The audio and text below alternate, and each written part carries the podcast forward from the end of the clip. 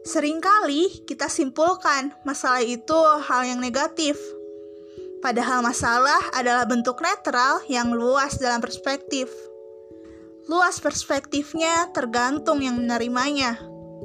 Bisa jadi hal yang positif atau sebaliknya. Karena masalah bisa kita kendalikan. Mau ia berontak atau sabar untuk menyelesaikan. Jadi, jangan salahkan masalah dan jangan sampai kita menghadapinya dengan hal yang salah. Masalah akan mendewasakan manusia, katanya. Terbukti, jika ada kesalahan, manusia diusahakan tidak melakukan hal yang sama. Jadi, berterima kasihlah. Setiap masalah adalah hadiah. Seperti masalah Nabi Musa alaihissalam yang dihanyutkan ke sungai Nil karena perintah Allah Ta'ala. Namun, apa disangka, Nabi Musa justru tinggal di istana. Seperti masalah Nabi Ibrahim alaihissalam yang akan dibakar dalam api membara.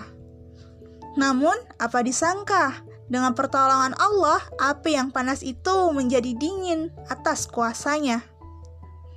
Ternyata, masalah tidak hanya hadiah, tapi masalah pun menjadi media agar kita lebih dekat dengannya. Jadi, bagaimana caramu menghadapi masalah yang ada?